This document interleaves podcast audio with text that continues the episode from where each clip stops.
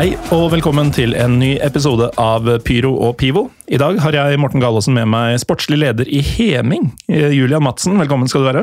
Takk for det. Takk for å komme tilbake igjen etter hvert. Dette er vel gang nummer to. Ja, du har vært her før. Da snakka vi om uh, The Land Far East, det er vest, mener jeg. Uh, Færøyene, hvor du jobba som trener. Korrekt, korrekt. I dag skal vi faktisk gjøre noe vi veldig sjelden gjør i Pyro Pio. Vi skal snakke om en uh, norsk breddeklubb.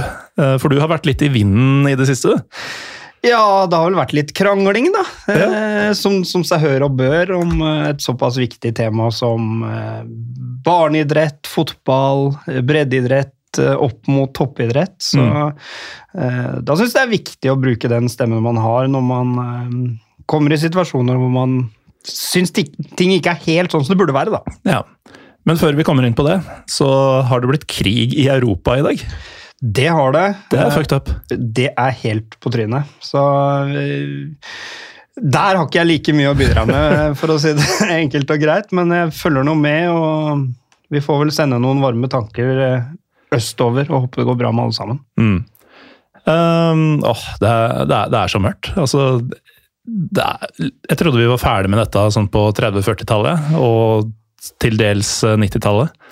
Eh, ja, det virker som et sånn uh, ordentlig sur vind fra gamle dager mm. som tar oss igjen, og det er jo bare trist. Det er, det er mørkt. Så vi må um, Vi får håpe vi har noen dyktige vi, vi, Jeg vet vi har noen dyktige politikere her til land som prøver å få disse her til bordet og snakke sammen. Uh, det pleier å funke. Både ja. i fotballen og i livet ellers.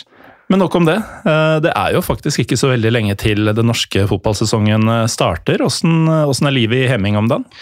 Livet i Heming er hektisk. Det er eh, masse som skjer, mye planlegging som skal gjøres. I disse tider, vinterferietider, så er jo flere av lagene på treningsleire og, og um, spisser formen inn mot ny sesong.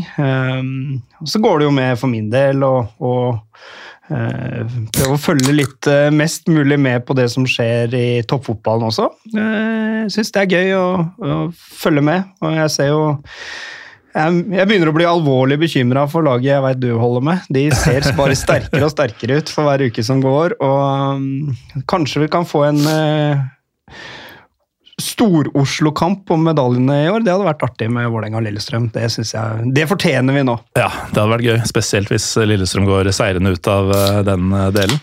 Jeg er nok uenig der, da, men, men, eh, men kampen vil jeg gjerne ha. Mm. Vi, trenger, vi trenger at de store byene og de store lagene er med og kjemper om det edle metallene. Mm. Nå har det, vært, det har vært jæklig gøy med Bodø-Glimt, men nå, nå, må fotballen tilbake igjen til de store byene og de store klubbene. Men uh, altså, du, du, har ordentlig trua på, på Lillestrøm? Jeg har trua på at de kommer til å bli bedre enn i fjor. Og i fjor var de fryktelig nærme medalje. Mm. Um, de leverte vel en vårsesong som tilsa medalje, og så stoppa det litt opp utover høsten. Men uh, jeg syns de gjør kloke signeringer. Uh, fra utsida så ser jeg litt hvor de vil hen, da. Mm. Uh, og det er jo skremmende, selvfølgelig, når man, når man ønsker dem, uh, om ikke nord og ned, så i hvert fall langt under Vålerenga. Uh, jeg syns det er mye som stemmer på Romerike om dagen, og jeg blir ikke sjokkert om det blir gullkamp der, altså. Gullkamp? Ja, hvorfor ikke? Å, fy faen. Nå, nå ble jeg svett. ja. Men eh, altså, det, er jo skummelt når man ser rivalene sine ha en veldig tydelig rød tråd mm. i det de driver med. Um, men åssen ser det ut for Vålinga, syns du? Jeg syns Vålerenga er eh, Jeg tror det blir omtrent som i fjor. Eh, det vil jo si at det blir vel sjuendeplass, da. Sånn, sånn, som det pleier å være. Men, men jeg syns Vålerenga mangler litt den røde tråden som man ser i Lillestrøm, da, hvor du ser en klar filosofi fra egentlig fra barnefotballen gjennom hele ungdomsfotballen opp på A-laget. Og eh, rekrutteringer inn, hvem man signerer på lengre kontrakter. Du har en trener som er eh, en robust fyr, og som har bygd opp et team nå som det er ordentlig trøkk i. Eh, og så virker det jo som det er eh, alvorlig interesse i byen igjen også. Mm. Eh, Lillestrøm-folka har favna om laget sitt igjen. da. Og det får man ikke av seg sjøl. Det kommer ofte av eh, god jobb over lang tid. Eh, og så har jeg veldig trua på sånn som Simon, da, som er sportslig ansvarlig. Mesvin. Ja, Mesvin, ja. Som, eh, som, jeg tror de har egentlig sluppet litt uh, kreftene løst på. Det virker som han har fått et nytt liv under, uh, i samarbeid med Geir Bakke. Mm. Uh, så Lillestrøm ser fryktelig sterke ut i mine øyne. Um, og man får ofte som fortjent i fotball. og Driver man godt over tid, så, så kommer også resultatene. Oh, det, dette varmer på ordentlig. Uh, blir nesten litt uh, stressa, for uh, man skal jo faktisk følge opp disse forventningene også. Men grunnen til at du er her egentlig, er jo fordi her om dagen så var du ute i Nettavisa og bruste ordentlig med fjæra. du nevnte så vidt altså barnefotball, breddefotball og sånn. Du er forbanna på Stabæk, du? Ja, blant annet, vil jeg jo si, da. Uh, Stabæk ble vel I denne saken var det jo de man tok, men man kunne like gjerne ha tatt Vålerenga eller, eller ganske mange andre klubber. For det er ikke sånn at Stabæk er nødvendigvis så mye verre enn de andre. Men jeg, jeg, legger merke til en kultur blant toppklubber hvor det skal rekrutteres yngre og yngre. Mm. og hvor man gjemmer seg bak ivrige foreldre og, og, den biten der, som jeg syns Jeg er ikke enig i den utviklinga. Mm. Og så føler jeg at vi er kommet dit at kretsene og forbundene gjør mye av det samme. For første gang nå så er det påmelding til kretsaktivitet for de som er født i 2010. Mm. Så de er jo da 11-12 år gamle. De er også med på denne Eh, trenden, da, med å gå lavere og lavere i alder. Mm. Eh, eh, og da er spørsmålet mitt er det det vi vil. Ønsker vi å profesjonalisere barnefotball? Hvis svaret på det er ja, så, så, er det et svar vi ikke har hørt før, i hvert fall. Nei. Det er ny informasjon. Og hvis vi ønsker å profesjonalisere, noe jeg er ikke noen motstander av det egentlig, men da tenker jeg at da trenger vi en debatt på hvordan skal vi profesjonalisere barnefotballen, da? Mm. Eh, og skal vi lage toppidrettsutøvere av 8, 9, 10, 11-åringer? Eh, det må vi gjerne gjøre, men da tenker jeg at da bør det være regulert og, og i hvert fall ha kontroll da, mm. eh, over hvordan det skal gjøres. Så det må jo starte med kompetanse, det er åpenbart. Eh, og her føler jeg at man kanskje eh, tilbyr noe man ikke kan, en hverdag man ikke helt kan stå inne for. da. Eh, for om du bytter ut en foreldretrener på Heming med en foreldretrener et annet sted, eh, så sitter du fortsatt igjen med en foreldretrener. Mm. Eh, og, og, det tenker jeg at burde være litt mer en, en del av bildet, da. At vi egentlig kaller en spade for en spade, og, og prøver å bremse den det jaget da, som jeg føler begynner altfor tidlig. Mm. Og så er Heming er en klubb som absolutt er med og bidrar i jaget. Eh, vi har heltidsansatte trenere vi på åtteåringene våre. Så, så, det er jo ikke sånn at vi er noe øh, sånn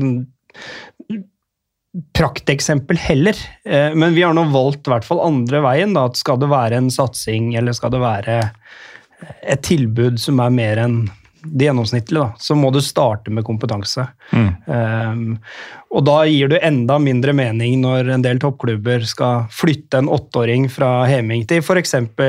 Nadderud, da, uh, når hverdagen allerede er god. Uh, og det er da du begynner å skurre litt i min verden. Da. Mm.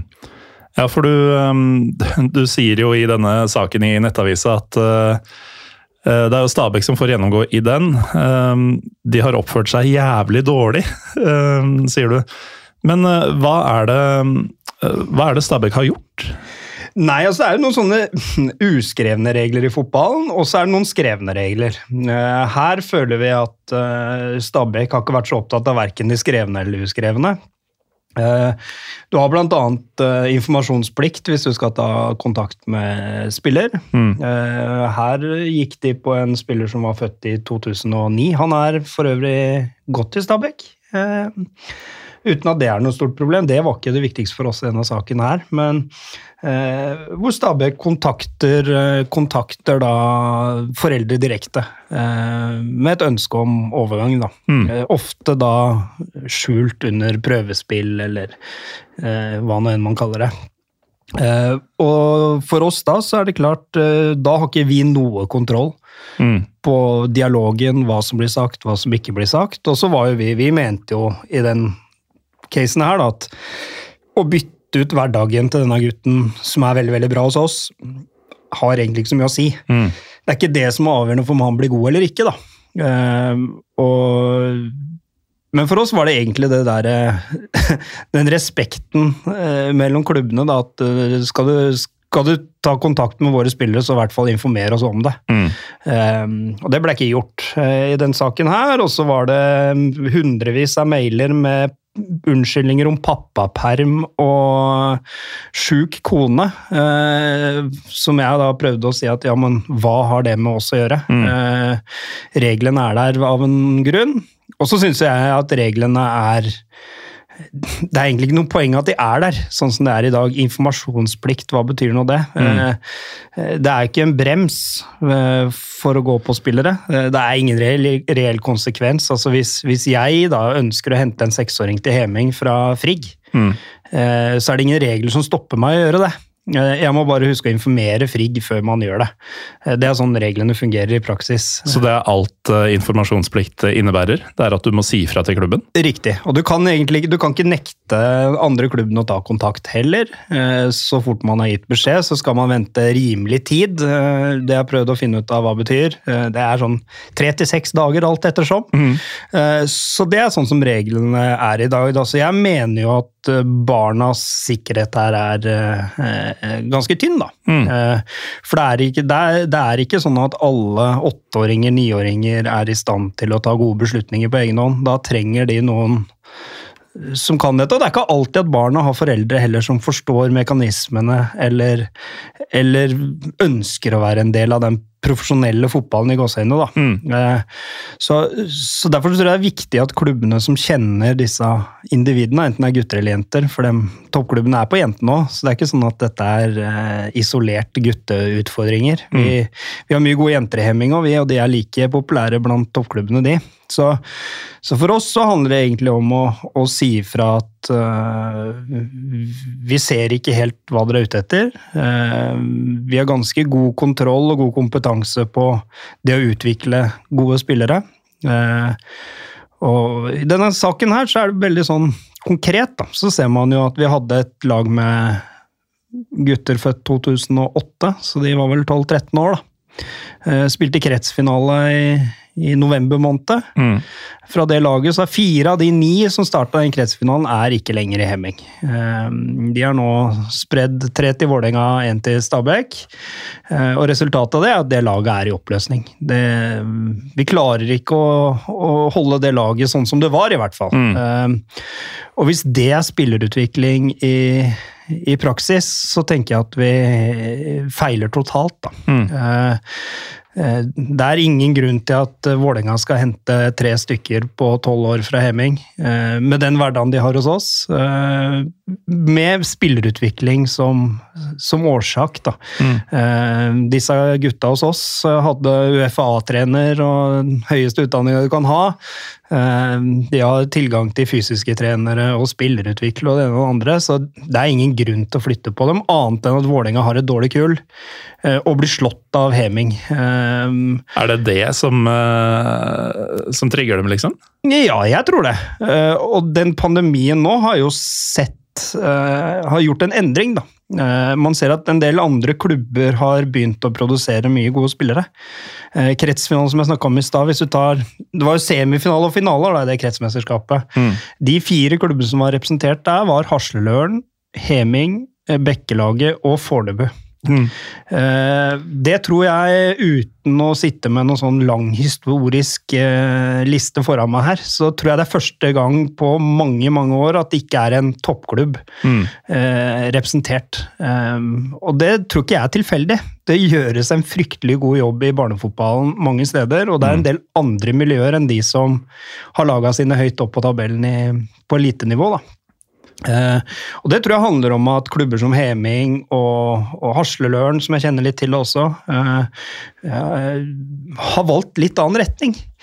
Man bruker ikke de store pengene og de store midlene på A-laget, man bruker de nedover. Mm. Eh, og det får resultater, da. og det er da det blir så frustrerende for breddeklubben, eller kall det hva man vil. Jeg hater ordet breddeklubb. Utviklingsklubb liker mm. jeg mye bedre. Men det er mer for at jeg syns ikke du skal bli definert av hvor A-laget ditt spiller hen.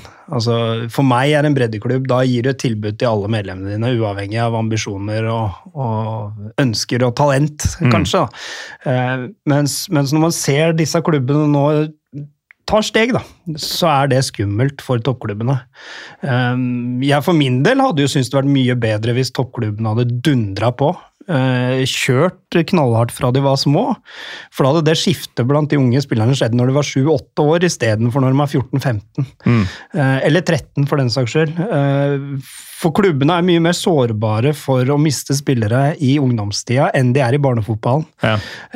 Så jeg hadde egentlig håpa på at, at Vålerenga, Stabæk, hva nå enn det heter, da Eh, kjør nå full pupp fra start, da, istedenfor en sånn myk, politisk korrekt start, og så skal du virkelig skru til eh, når frafallet begynner som verst i mm. idretten, og man da ender opp med at hele kull ryker og ja.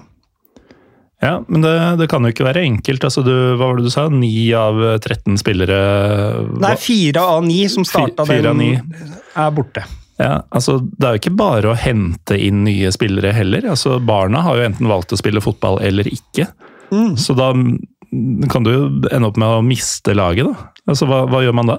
Nei, sånn som konkret i vårt tilfelle nå, så har vi jo sett på flere muligheter. Én er å slå sammen med laget som er ett år eldre. Mm. Eh, som vil sannsynligvis være den beste sportslige løsninga. Eh, men sport er jo ikke alt. Eh, det er liksom når du har tømt da store deler av den gjengen som virkelig hadde, ambisjoner, da så blir det et vakuum etter dem. Eh, så det er ikke nødvendigvis sånn at de som er igjen, har de samme interessene som de fire som nå har forsvunnet. Mm. Eh, noe som for, for, kan brukes som argument for å flytte på dem. At nå kommer de til en hverdag hvor de har, har spillere som, som passer bedre inn i sin egen interesse og de tingene der. Altså, jeg er ikke motstander av at de skal bytte klubb heller, jeg. Det er det som er det spesielle her. Mm. For oss er det mer viktig tidspunkter det skjer på, da, så vi unngår at en hel årgang ryker. Eh, men det er ikke lett. Vi har brukt sikkert 1000 eh, arbeidstimer på å prøve å finne løsninger for det kullet. Eh, nå ser det ut som det skal gå greit, og mye fordi at man har en foreldregruppe som har steppa opp og gjort et, gjort et, ærlig stykke arbeid for å få dette til å bli solid. Da. Og i realiteten så er det jo spillere som nå kommer fra treningsgruppe to da, som har flytta opp. Så istedenfor å slå sammen med da laget som er eldre, så uh, har man slått sammen på, med lag som er på samme alder. Mm. Uh, og det i seg selv er ikke noe krise, men, uh, men veldig unødvendig, da, i de øynene vi har. Og dette er jeg vet ikke hvor dypt man skal gå inn i det, men dette er jo eh, et resultat av en, av en villet satsing, egentlig. Eh, I den tid man begynte med akademiklassifisering, hvor de blir målt på rekruttering og Altså, vi betaler de for å gjøre det. Mm.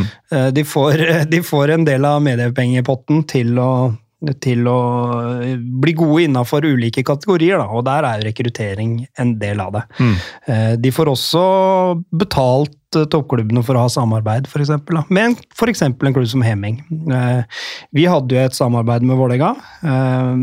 Det finnes ikke lenger. Det er ingen grunn for Heming å samarbeide med en toppklubb når de raserer en årgang hos oss.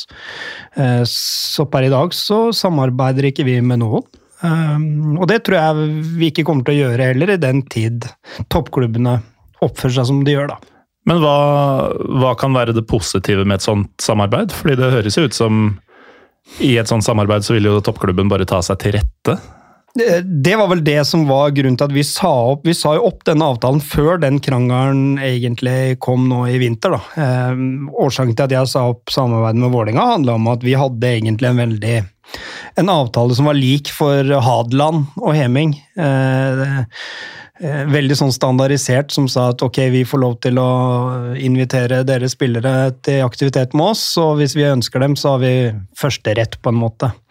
Eh, den ga Heming null niks og ingenting som klubb, annet mm. enn at de kom og forsynte seg av våre beste spillere når det passa dem. Eh, så den sa vi opp, og så var egentlig intensjonen å gå inn og få en ny avtale, men da som styrka mer de tingene vi er ute etter. Da. Mm. Eh, for det er uten tvil sånn at toppklubbene har jo kompetanse og tilgang på kompetanse som en, en liten utviklingsklubb, eh, eller vi er ikke så små heller, men i hvert fall en utviklingsklubb ikke har tilgang til. Da. Mm. Eh, og blant annet en del kamparenaer. De har en del sånne nasjonale serier eh, som ikke vi noen gang kommer til å få tilgang til. Eh, så sant vi ikke har A-lag oppi de øverste divisjonene, og det har vi ingen sånn umiddelbare planer om.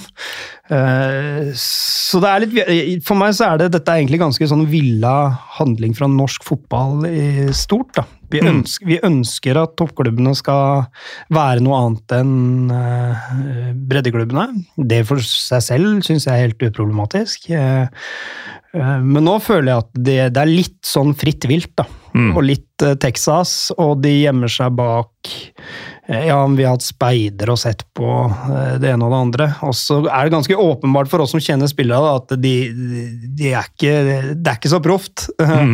Eh, sender du brev på en spiller til oss med feil navn, f.eks., og idet jeg kontrollerer litt med personen som tar kontakt ja, hva, hva syns du om egenskapene til den spilleren, hva er det som gjør han så spennende? Så er det åpenbart for meg at dette er en spiller de ikke har fulgt så fryktelig nøye. Um, og da virker jo alt annet enn proft for oss, da. Men uh, hvorfor vil de ha han da? Nei, altså, Det er det som er det store, sånn, som er det vanskelige her. At de utenlandske klubbene er mye tidligere på heming enn både Stabæk, Vålerenga eller hva det måtte hete. da. Mm. Uh, vi, har, vi, har, en 2012-er i heming som både Ajax og Barcelona har vært og sett på opptil flere ganger. Eh, men de har vi en mye ryddigere dialog med, fordi at de har ikke lov til å hente disse spillene før de er 16. Så, så, for dem, de, disse klubbene, er egentlig eh, De er der for å ha oversikt. Mm. Eh, og jeg tror i det disse norske klubbene da ser den tilstedeværelsen av utenlandske klubber, så føler de at de må gjøre noe.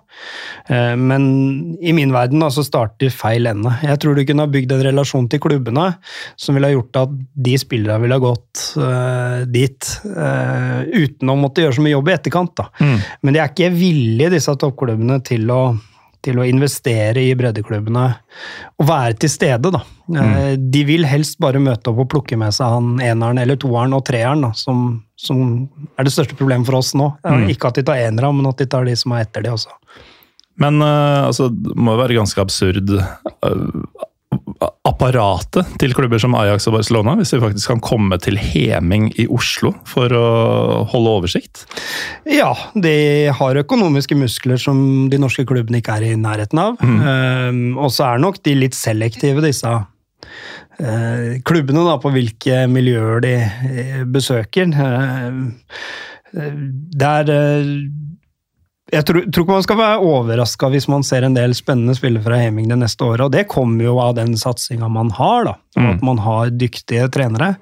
Eh, og så er det jo kortreist for dem, da, for det er, eh, det er, lett å oppsøke Oslo eh, når du skal kikke etter spillere. Eh, kontra kanskje Sogndal, da. Ja. Eh, så det kan nok hende at det er noen geografiske årsaker til at de har mye på heming, men eh, vi får stadig vekk eh, bli kontakta av utenlandske klubber som lurer på om de kan få lov til å ta en titt. Eh, vi kan jo ikke nekte noen, egentlig, vi, så vi sier det at her har vi ikke noe sånn policy mot å nekte noen tilgang til, til Hemmingbanen, men vi, vi, er veldig opptatt av at hvis det skal være noe kontakt, så, så er vi en del av det. da. Mm.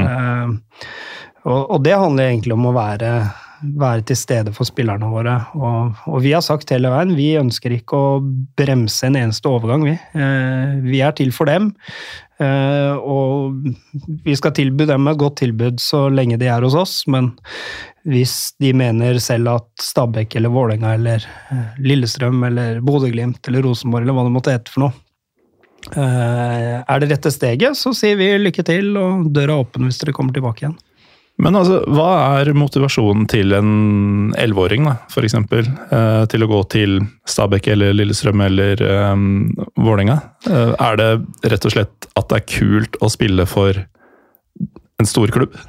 Delvis, og det er nok en stor del av bildet. Eh, jeg tror nok det er nok mer fengende for foreldrene. Eh, mm. Det er litt sånn I barnefotballen så rekrutterer du ikke spillere, egentlig, du rekrutterer foreldre. Ja. Eh, og, og, og, det heder og ære og logoen på brystet og de tingene der, det spiller inn. Det er det ingen tvil om i det hele tatt. Jeg har jo selv jobba i toppklubber og sett og brukt den mekanismen, da. Eh, så det er ingen tvil om at det spiller inn, men så tror jeg også at vi i norsk fotball har liksom Vi har fortalt uh, spillerne våre, bevisst eller ubevisst, at uh, skal du bli god, så må du spille nasjonal G14. Mm. Uh, skal du bli god, så må du være med på den turneringa. Noe som selvfølgelig bare er tullprat. for det er ikke det som er avgjørende til syvende og sist. Det handler om hvem er det som har skalle til å stå imot motgang, og Eh, ha det langsiktige utviklingsbildet og orke å stå i det da, når det butter imot. Det er de som ofte blir bra til slutt. Mm. Eh, og gjerne også kanskje født med noen egenskaper da, som man kan videreutvikle og foredle. Eh, men, men jeg tror det at det er kommet noen sånne sannheter inn i fotballen som ikke nødvendigvis er avgjørende. Nå ser jeg jo toppklubbene nå drive med en regional serie for 13- og 14-åringer som, som Eller for 13-åringer blir det vel, da som da sikkert dyttes ned på tolvåringene fordi at det er hyggelig. Eh, og det vil jo i klartekst si at toppklubbene vil jo ikke være en del av seriesystemet eh, i 13-årsklassen. Er det veien vi ønsker å gå? Skal vi lage et enda et sånt eliteskille da, som gjør at toppklubbene ja, Skal de ha et lag når de er tolv? Skal de hente når de er ti? Mm. Skal de hente når de er åtte? Skal de hente når de er seks? Altså blir det regional gutter sju? Er det er vi tre år unna der. Mm. Um, og det kan godt hende at vi skal. Uh, jeg er ikke noen motstander men, uh, av, av, å lage arenaer, jeg. Men jeg tenker at man må være nøye med hvilke konsekvenser det får. Da. Og da syns jeg man skal diskutere det. Og jeg syns vi har et forbund og krets, kretssystem som logrer vel mye for disse toppklubbene. Uh, de sier ting til breddeklubbene at nei, dette er for tidlig. Det er for tidlig med å rekruttere når de er 13. Vi skulle helst sett at det skjer når de er 15. Jo jeg hører dere sier det, men hva gjør dere for at de skal hente når de er 15 istedenfor 13? Ingenting. Mm. Eh, så, så, jeg tror at vi må Og jeg forstår også veldig godt hvorfor krets og forbund er sånn. Eh, de er helt avhengig av toppklubbene. og eh, Maktbalansen i norsk fotball har flytta seg til toppklubbene i stor grad. Eh, det er det ingen tvil om. Eh, de er flere, de er størst. De har eh, størst pengesekk etter hvert òg. Og kanskje også er det bra. Mm. For, for, for, toppidretten er det utvilsomt bra, og så, og så, tenker jeg at vi må av og til stoppe opp og spørre oss er det dette vi vil. Og hvis det er det vi vil, sørg for at det blir så bra som mulig. da, Og sørg mm. for at de konsekvensene ikke blir så store for for de små. Ehm, for jeg tenker at barnefotball først og fremst burde handle om eh, fotball i nærmiljøet. Ehm, holde det i nabolaget så lenge som mulig. Mm. Det tror jeg er viktig for den sosiale biten. Og, og så tror jeg ikke det er sånn at det går utover det sportslige heller, i mange tilfeller. Og så finnes det unntak. Det finnes alltid unntak at noen har bedre av å flytte på seg, men du kan ikke lage et system for unntakene. Du mm. må lage det for eh, folk flest. Um, og så tror jeg at vi, vi, vi må tørre å stille spørsmålstegn til toppklubbene når de opererer Altså, de, de, bryter ingen regler. Det er det som er det vanskelige her. ikke sant? De, de, gjør, de gjør akkurat som de bør. De forholder seg til de reglene som er der, og så kan man diskutere om reglene er gode eller dårlige. Mm. Men jeg, jeg, føler nå at vi vi har kommet dit hvor vi begynner å ligne mer og mer på Sverige. Eh, også Danmark. Hva legger vi i det? Nei, mer og mer at man Fotballklubben har blitt mer altså Foreldrene og barna kjøper mer en tjeneste enn å være del av et lag, f.eks. Mm. Eh, barnefotballen i Sverige, spesielt Stockholmsregionen, da, så er det jo mye flere klubbbytter enn det vi har i Norge. Eh, vi har kommet til et sted hvor det er vanskelig for spillerne å skille hva det som er klubb og hva det som er en privat aktør, f.eks. Mm. Eh, det kryr av private akademier som omgår barneidrettsbestemmelsene og reiser på tur til Tsjekkia og til Nederland og hvor nå enn de får lov til å møte disse toppklubbene. Er det det vi vil? Jeg tenker jo andre veien. De har det tryggeste hvis de gjør dette i en klubbregi, med trenere de kjenner godt fra før. Mm. Eh, så egentlig så jobber jo regelverket mot oss til å ta livet av noe som jeg tror de aller fleste i norsk fotball egentlig ønsker. Da. Vi ønsker at uh, barneidretten i stor grad skal gjøres i klubbene.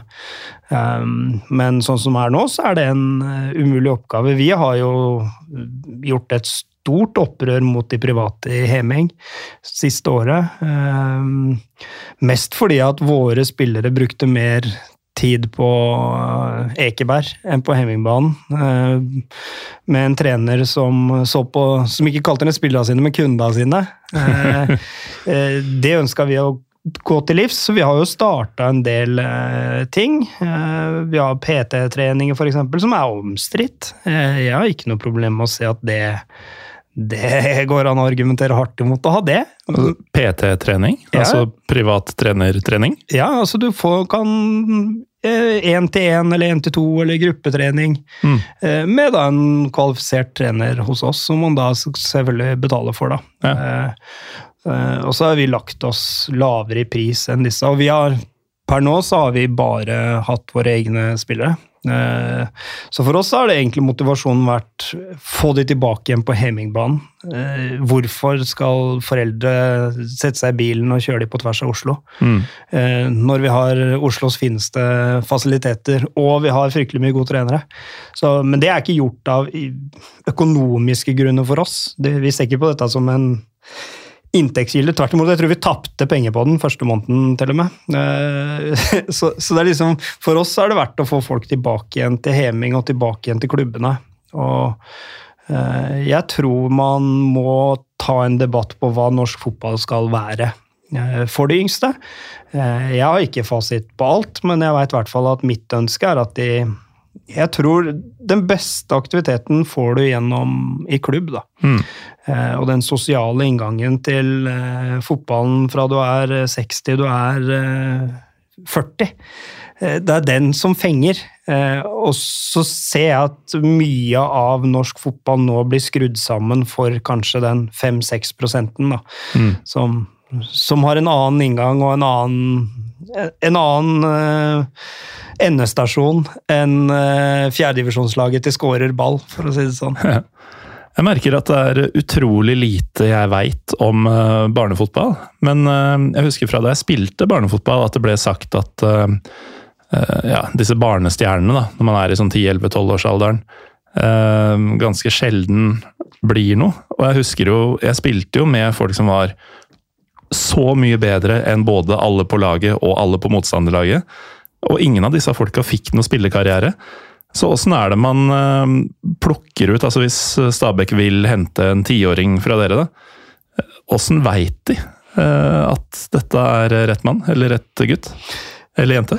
Sannheten er vel at man ikke veit. Uh, det er vel sannheten. Men jeg tror man er Det er vel enklere å si Eh, hvem som ikke blir gode, eh, enn hvem som blir det. Mm. Eh, jeg tror til syvende og sist er det jeg, jeg, tror ikke man kan se på en tolvåring at han her blir, han her blir fotballspiller. Mm.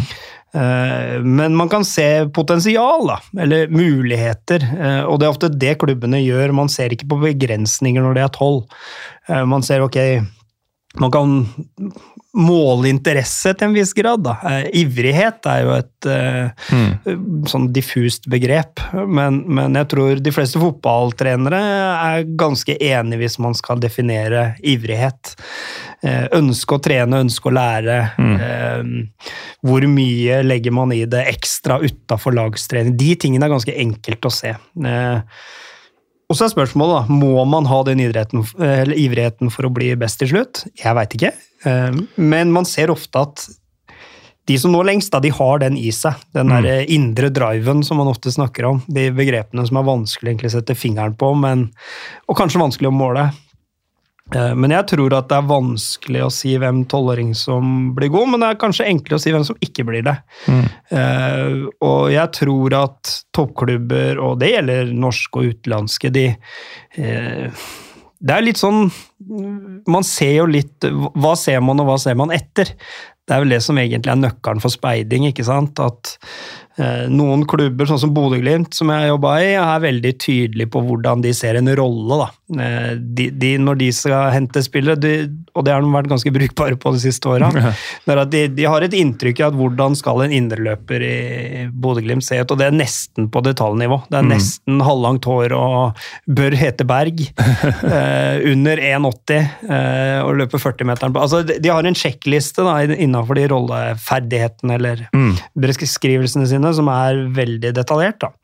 Eh, og det gjør det enklere for de å treffe, tror jeg. Eh, jeg tror i yngre så er det vanskeligere å knytte det opp mot det, eh, men da kanskje man ser igjen Ok, vi hadde Morten Thorsby da, som kom fra Heming. Kanskje man leiter litt etter den neste Morten Thorsby. da. Mm. Eh, Eller Askelsen. ja, eller Arnstad, Mm. eller eh, Eller når fjorårssesongen starta i Eliteserien i fjor, så var faktisk Heming hadde to spillere i A-lagsstallen i Vålerenga.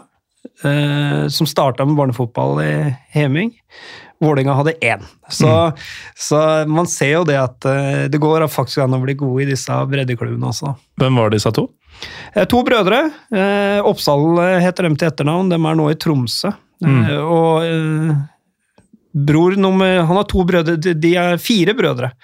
Eh, og de har nå to i Tromsø, én i Vålerenga og én i Stabekk. Så det er en en kruttsterk fotballfamilie. Så dere, mm, altså Du kalte dere en utviklingsklubb heller enn en breddeklubb, og det gjør dere tydeligvis ganske bra? da. Ja, vi har vært eh, gode, og det er lenge før jeg kom. Jeg tror, tror Heming har drevet bra um, i lang tid, og så har vi tatt enda en spissing nå siden jeg kom inn, da, hvor vi har brukt mer midler på flinke trenere. Eh, og, og hvorfor gjør vi det? Det er jo et sånt spørsmål. Er, ønsker, vi å, ønsker vi å bli Manchester United? Nei, det gjør vi ikke. Ønsker vi å bli Vålerenga? Nei, vi ønsker ikke det heller. Vi ønsker å være Heming, men vi ønsker, å, vi ønsker ikke at noen skal bytte fra Heming fordi at tilbudet i en annen klubb er bedre. Mm. Eh, Men vi skiller heller ikke mellom om du er superivrig, da, eller om du ønsker å spille fotball en dag i uka med, med vennene dine. Eh, Vi bruker trenerressursene våre uavhengig av hvor ivrig du er, da. Eh, og vi har heltidsansatte trenere vi på breddelag i ungdomsfotball, som gjør en fantastisk jobb med å skape god aktivitet innenfor de rammene og viljen til den gruppa. Da. Eh, og, det er egentlig baktanken bak alt i Heming, at vi, vi kaller oss en utviklingsklubb, og vi ønsker å være det. Vi ønsker å ta alle på alvor, og at de eh, skal få det tilbudet de selv ønsker, da, innenfor eh, de rammene vi har. Og hos oss betyr det enten du er 8 eller du er 16 år, så kan du få trene stort sett hver dag med en flink trener.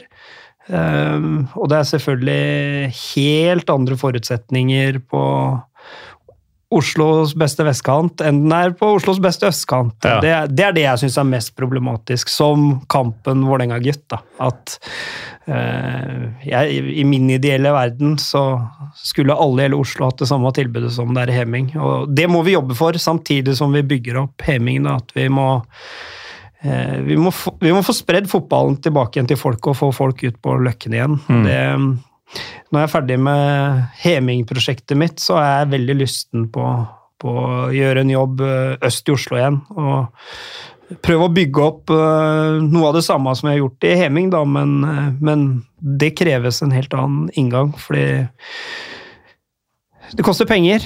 Eh, ingenting er gratis, eh, ei heller i fotballen. Og jeg tror man må se stort på dette her og prøve å finne nye inntektskilder da, til idretten. Og jeg Mm. tror eh, man må få med seg næringslivet i mye større grad enn man har gjort. da. Eh, og heming er et resultat av eh, sponsorer og, og treningskontingenter, eh, som alle andre klubber. Men det er kanskje enklere da, å få tilgang til midler enn mm. hos oss enn er i Klemetsrud, f.eks. En klubb som jeg syns for øvrig gjør sinnssykt mye bra. Ja, altså Vi skulle jo egentlig ha med Frode Lia her i dag også, men han fikk en familiekrise og mm. måtte melde forfall. Han er jo veldig på dette øst-vest-forskjell Eh, problematikken. Hva er Altså, det er vel ikke bare pengene som er utfordringa i øst? Nei, det tror jeg ikke. Jeg tror, men det gjør det veldig tydelig. Eh, pengene er en del av bildet, men det er ofte det man ser. Da. Mm. Eh, jeg har vært talsperson på at man kanskje burde dele inn Oslo fotballgress i to. Fordi at utfordringene er så forskjellige, da. Eh, øst og vest for elva. Eh, der hvor vi sutrer over fasiliteter, så, fordi at vi har for mange spillere, mm. så, så, er situasjonen noe helt annet i eh, øst. Da. Hvor du kanskje ikke har frivillighet, eller du har ikke trenere, eller du De trenerne man har, de er så overarbeida at det å sende dem på kurs, det har de aldri tid til. Mm. Og der syns jeg vi må også ha en større debatt, da, fordi kostnaden i fotballen er jo Eh, ligger mye på klubbene, uten tvil. Eh, det er en av mine kjepphester i fotballen, er jo å prøve å dytte dette så langt ned som mulig. I min ideelle verden så hadde fotball vært gratis. Mm -hmm. Men det er et stykke unna fått til det i Heming også, selv om vi er på god vei der òg. Men, men, jeg tror at man med f.eks. kretslagssystemet, da. Heming som klubb hadde en utgift på nesten 80 000 kroner på å sende spillere på kretslagstrening mm. eh, nå i vinter. Eh, det klarer vi å få til i Heming, eh, men det er klart at det er med å dytte treningskontingentene opp. Ja. Har Klemetsrud mulighet til å bruke 70 000-80 000 på kretslagsaktivitet i hver vinter? Neppe. Eh, er det sånn da at vi skal gjøre et sosialt skille i fotballen at klubben sin økonomi er avgjørende for om du får muligheten til å være med eh, på den type aktivitet. Da. Jeg, mm. jeg syns det er en skummel retning man er på vei, og derfor så har Heming nå gått inn på fotballtinget med, med et par saker. Eh, ene saken handler direkte om det med krets. Da. At vi ønsker en nasjonal fastsatt pris som er lik overalt. Eh, og det må gjerne finansiere for at de reiser 30 mil i Nord-Norge, for mm. min del. Altså, De må gjerne dele den kaka så det blir likt. Eh, men jeg syns det er helt merkelig at Oslo skal være tigangeren for det samme prosjektet som det det koster i Sogndal, f.eks. Mm. Eh, det rimer ikke i min bok. Og, så har vi et annet inne, som eh, en regelendring da, som handler egentlig om å følge resten av verden. og Den gjelder rundt da, utdanningsmidler. Da, ja. Eh, hvor forbundet blir ansvarlig for å hente dette inn. Eh, vi ser jo i norsk fotball i dag at du har toppklubber da, som sier at nei, den utdanningskompensasjonen den har ikke vi råd til, råd til å betale dere. Mm. Men skal dere stoppe overgangen? da? Skal dere stoppe stoppe spilleren deres og bli profesjonell fotballspiller? Nei, det skal vi ikke. Vi skal ha de penga vi har eh, investert inn. Mm. Eh, og, og, den eh, mekanismen syns jeg er tullete. Og skal du signere en profesjonell fotballspiller i dag, så må du betale det det koster. Eh, det sier seg jo sjøl, egentlig. Ja, men så, det er ikke sånn det fungerer i praksis. Altså, her er det store forskjeller, bare så det er sagt. Du har klubber som eh, betaler eh, uten å få spørsmål om det engang. Så, så det er ikke sånn at alle opererer sånn, men noen gjør det. Mm. Eh, og så ser du i Vålerenga i andre enden, da, som etter de solgte Claesson til Leeds og hvem var den andre? Eh, Dønnum til Belgia. Mm. Eh, hvor Eidsvoll, som Dønnum kommer fra, og Claesson kommer fra Strømmen. Eh, de hadde vel egentlig ikke krav på utdanningsmidler, eh, men de velger å betale allikevel. Eh, og det viser litt at noen klubber ser nytten av breddeklubbene og velger mm. å investere i det. Og jeg tror det er det klokeste Vålerenga gjør. Altså Får Eidsvoll eller, eh, eller Strømmen fram et nytt talent, så er veien kort i Vålerenga. Ja, da er det jo Da gir det jo mening mm. å selge spilleren til, til Vålerenga. Mm. Um, og det er jo egentlig ganske enkel og åpenbar tankegang. ryddig måte å løse det på. Og jeg tror for breddeklubbene så kan jo Det er ikke snakk om vanvittige store midler her, men men du kan jo ringe til Klemetsrud og spørre om de har bruk for 30 000, liksom. Mm. Det, eh, den ville garantert eh, investert de pengene i aktivitet eh, til resten, da. Ja. Og, jeg tror at man må se på Man liker ikke å snakke om barneidrett og ungdomsidrett som en business, men det har det blitt. Mm. Eh, og så kan vi velge å stikke huet i sanda og si at eh, det, det ønsker vi ikke å mene noe om, fordi barnefotballen er jo bare gøy. Mm. Eh, jo da, det er det òg, eh, men det er også en kynisk business med utenlandske klubber som er til stede på treningsfeltet lenge før de norske. Og du har norske klubber som halser etter og er livredde for at de beste spillerne skal havne i København eller, Mm. eh, eller Amsterdam. Uh, og det er også en del av den fotballen, og jeg syns man må tørre å si det som det er. Uh, barneidrett er business. Uh, det er penger. Eh, og det, de med mye ressurser har en tendens til å stikke av med de beste ressursene, enten det er trenere eller Mm. spillere eller hva det måtte være. Men eh, da har vi fått et eh, ganske dypt innblikk i dine tanker rundt eh, barnefotball, utviklingsfotball og sånn. Hvor, eh, hvor eh, ligger dere an? Altså, vi nevnte innledningsvis at det nærmer seg eh, sesongstart. Hva, hva er veien videre for Heming nå, etter at du har fått blåst ut litt eh, mot både Stabæk og andre? Eh, Ja, nei, veien videre er at eh, Jeg har jo et, eh, hatt et mål om å, om å sette, sette meg ned med disse klubbene etter hvert. da. Mm. Eh, og prøve å få landa litt grann veien videre. Eh, og for meg så handler det om at eh, vi må tørre å snakke Vi må snakke med hverandre og tørre å være at vet du hva, vi ønsker han sjuåringen, det er vi. For han syns vi er gode. Mm. Men da må vi tørre å si det også.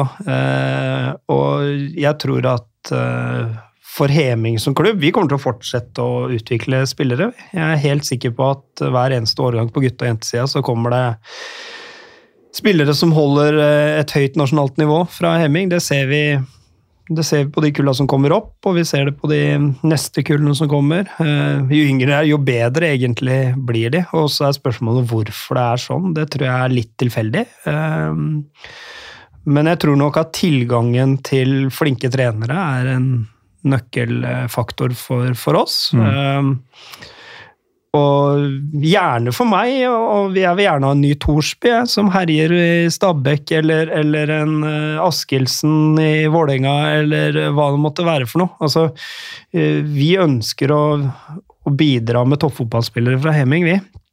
Eh, og det er ganske spesielt at du klarer å erte på den en klubb som ønsker å skape toppfotballspillere, Mm. men som ikke ønsker å bli en toppklubb sjøl. Eh, da ligger mye til rette for at du skal lykkes, tenker jeg. Så, og når du da ender opp med å få oss forbanna, så tenker jeg at eh, det er lurt å se seg litt i speilet og, og ta en prat med oss, da. Ja. Eh, fordi vi har egentlig det samme målet som både Vålerenga og Stabæk. Vi skiller ikke om du drar til den eller den klubben. For oss er ikke det viktig. Eh, For min del må du dra til Lillestrøm òg, for den saks skyld. Så, så for meg er det ikke viktig hvor de skal dra. For meg er det viktig at de drar på rett tidspunkt, og at eh, eh, de er klare for den overgangen som det faktisk er. Da. Mm. eh, Å sette seg 40 minutter på bussen for å trene, f.eks. Det som skjer på feltet, er ikke så stor forskjell. Det tror jeg de håndterer fint. Det er mer den eh, reise og Mm. ta de ut av den eh, sosiale gruppa de har vært med siden de var seks år. Da. Eh, den er nok verre. Ja, og som gjerne er klassekamerater og sånn eh, også. Um, og det er kanskje den delen jeg syns er rarest, da. Hvis um, Nå ligger jo Heming ganske langt vest uh, i Oslo, men det er jo et stykke altså Det er litt kronglete reisevei ut til Stabekk, eh, til Bekkestua.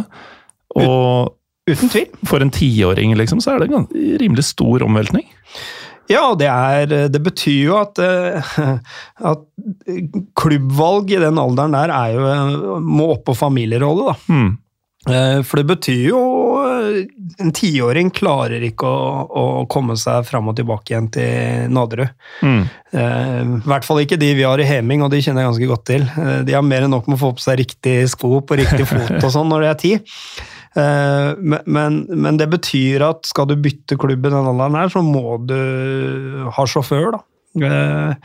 Eller sånn som er litt inntrykket mitt, da, at de toppklubbene henter ofte tre-fire fra samme gjeng, og det er litt for at de skal ha noen reise til trening på. Mm. Eller sammen med, da. Mm. Man har kanskje Det er én spiller de er ute etter, og så henter de to-tre til, bare for å ha reisefølge, da. Ja. Um, og det gjør det jo egentlig enda verre for oss som klubb, da. Fordi at vi mister en ener, null problem. Det er vi forberedt på. Det skal, ha, har vi rigga oss for. Men uh, når spiller nummer to, tre og fire blir med i reisefølge, så blir det verre for oss. Mm. Nei, Det høres ut som du har dine utfordringer, Julian, men det høres også ut som du har ganske peil på det du driver med. Så satser på at det ordner seg til slutt? Det ordner seg til slutt, det er jeg helt sikker på. Og så tror jeg at noe av nøkkelen i hele norsk fotball da, det er å få hele dette lokomotivet til å dra i samme retning. Mm. Og det handler om at alt fra Heming til Stabæk til Vålerenga til Klemetsrud til Hasleløren og langt opp i Bardøfoss. At vi, vi må finne hvor vi skal hen, da. Mm. og der syns jeg forbundet har vært flinkere de siste åra. Og så må vi dra nytte av kreft, de kreftene som er i lokalfotballen, for det er, den Mm. som, det er den som er nøkkelen for toppen nå, tror jeg. da. Og Hvis vi får ordentlig fart på det lokomotivet, så skal vi ikke se bort ifra at vi kanskje havner i et mesterskap til slutt heller. Selv om det er helt greit at vi står over denne gangen. Ja, ja det, det mesterskapet der, det, det er ikke noe vits i å delta i. Nei, jeg skal ikke se på det engang, så det er Nei. veldig greit. Det er, den får holde på for seg sjøl. Perfekt. Eh, Da lurer jeg på om vi har kommet til veis ende. Men eh, jeg lurte på, kan du si en gang til hva du tror om henholdsvis Lillestrøm og Vålinga denne sesongen? Ja, jeg får vel det, da. Eh, Nei, jeg, jeg tror Lillestrøm er en medaljekandidat. Jeg tror de kan blande seg helt inn i toppen.